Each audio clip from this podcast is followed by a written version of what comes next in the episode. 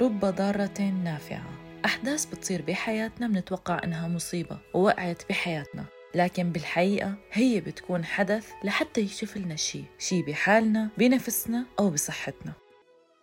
دواؤك فيك وما تبصر وداؤك منك وما تشعر. أتزعم أنك جرم صغير؟ وفيك انطوى العالم الأكبر.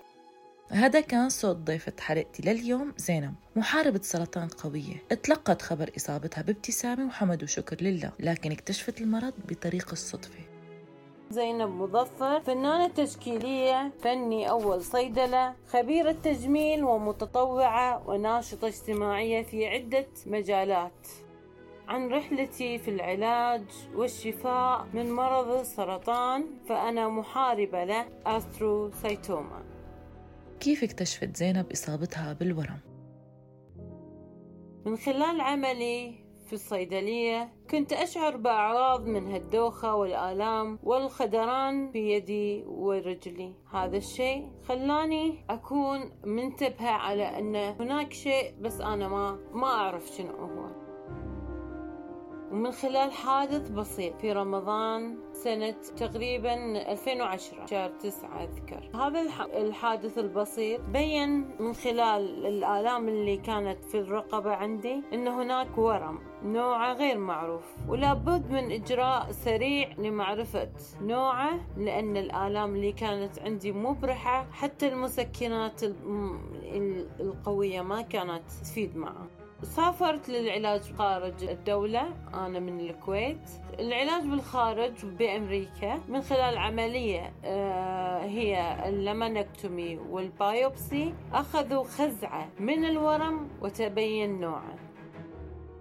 وبعد ما تم إجراء خزعة للورم واكتشاف تشخيصها لزينب كان لابد أنه زينب تتلقى الخبر وتعرف الحقيقة. طبعا عندما تلقيت الخبر الحمد لله كنت راضية على قضاء الله وقدره وقلت أول كلمة وكان عند حواليني خالي وأختي وأخوي والدكاترة قلت الحمد لله. كانت مع ابتسامة. سبحان الله خالي طالعني يقول ما شاء الله شنو هالقوة الذاتية اللي عندك. وهلأ صار وقت نعرف خطة العلاج كيف بلشت. طبعا كانت خطة العلاج في الولايات المتحدة. راح تكون ما بين علاج كيماوي وعلاج إشعاعي. طبعا بعد العملية اللي كانت مصاحبة لعديد من من المضاعفات والحنين اللي كان في القلب للوالدة. الله يطول بعمرها إني أرجع للكويت. كنت مضطرة إني أترك العلاج في أمريكا وأكمله في الكويت. آه، طبعا في الكويت غيروا رأيهم. خلوا العلاج إشعاعي فقط. أعطوني خلال تقريبا 28 سيشن الإشعاع طبعا كان مصاحب مع الآلام المزمنة اللي عندي. كانت تشتد الآلام مكان يعني اللي يسلطون عليه الضوء الإشعاع كان يحترق وأنا ما أحس فيه لأنه هو في رقبتي من وراء ظهري ومكان العملية اللي كان للحين في وقت التئامة يعني. فكان وايد مزعج ومؤذي هذا الألم. تعبت والحمد لله على هذا يعني التعب اللي كان. يعني من المواقف اللي أنا ما أنساها كلش هذه المواقف. ولكن كل ما أتذكرها أستشعر شلون إن الحمد والشكر عدى فيني آه، العمر الحين عشر سنوات آه، من بعد العملية والإشعاع. وأنا بخير وصحة وعافية. والله منعم علي ورازقني بعد آه، بأسرة وأطفال فهذه النعمة الكبيرة اللي كنت أدعي دائما رب العالمين يا رب ارزقني يا رب أعطيني. وبسبب رحلة العلاج من خلال يعني بعد رحلة العلاج آه، وصلت آه، في عملي إني ما أقدر أواصل فيه آه، بسبب أخذي للأدوية اللي كانت تنعسني أو أنا عدم قدرتي على السيطرة على الوظائف الحيوية الهامة. فتركت العمل ومن بعده اتجهت إلى الرسم وإلى النشاط الاجتماعي والثقافي والتطوعي. ومن خلال الرسم الحمد لله شاركت في العديد في المعارض والاحتفالات والمناسبات اللي كانت تصير في الدولة الحمد لله. مشواري مع الرسم صار إني أنا تمكنت من العثور على الشخصية أو أو المدرسة أو حتى الهوية الخاصة لي في الرسم. صحيح إنه زينب تركت وظيفتها بسبب الظروف اللي واجهتها من بعد رحلة العلاج لكن ما فقدت الأمل واستطاعت إنها تلاقي نفسها وشغفها بشي جديد وهو الرسم والفن وهدفها كان لازم توصل له.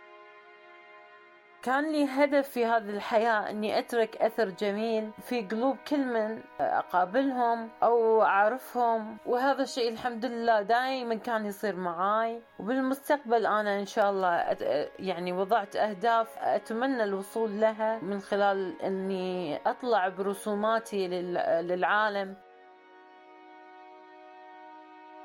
الحمد لله. فهمت إن السرطان كانت آه، نعمة مو نقمة بس.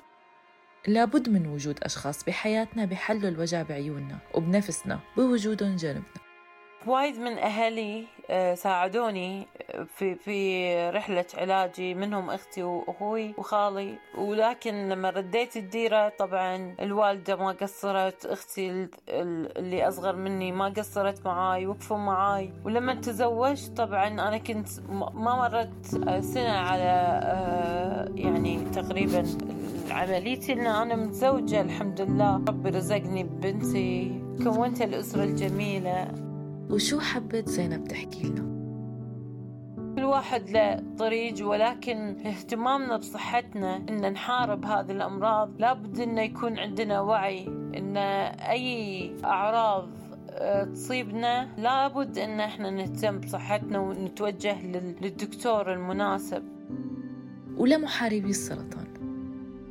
لكل محارب وكل متشافي ومتعافي. يا رب يمدكم رب العالمين بالصحة والعافية دوم وإن تعيشون حياتكم بسعادة وأمل. لا تتبعون الأوهام واسعوا لإيجاد الحلول المناسبة عشان تخففون عن أعماركم كل تعب.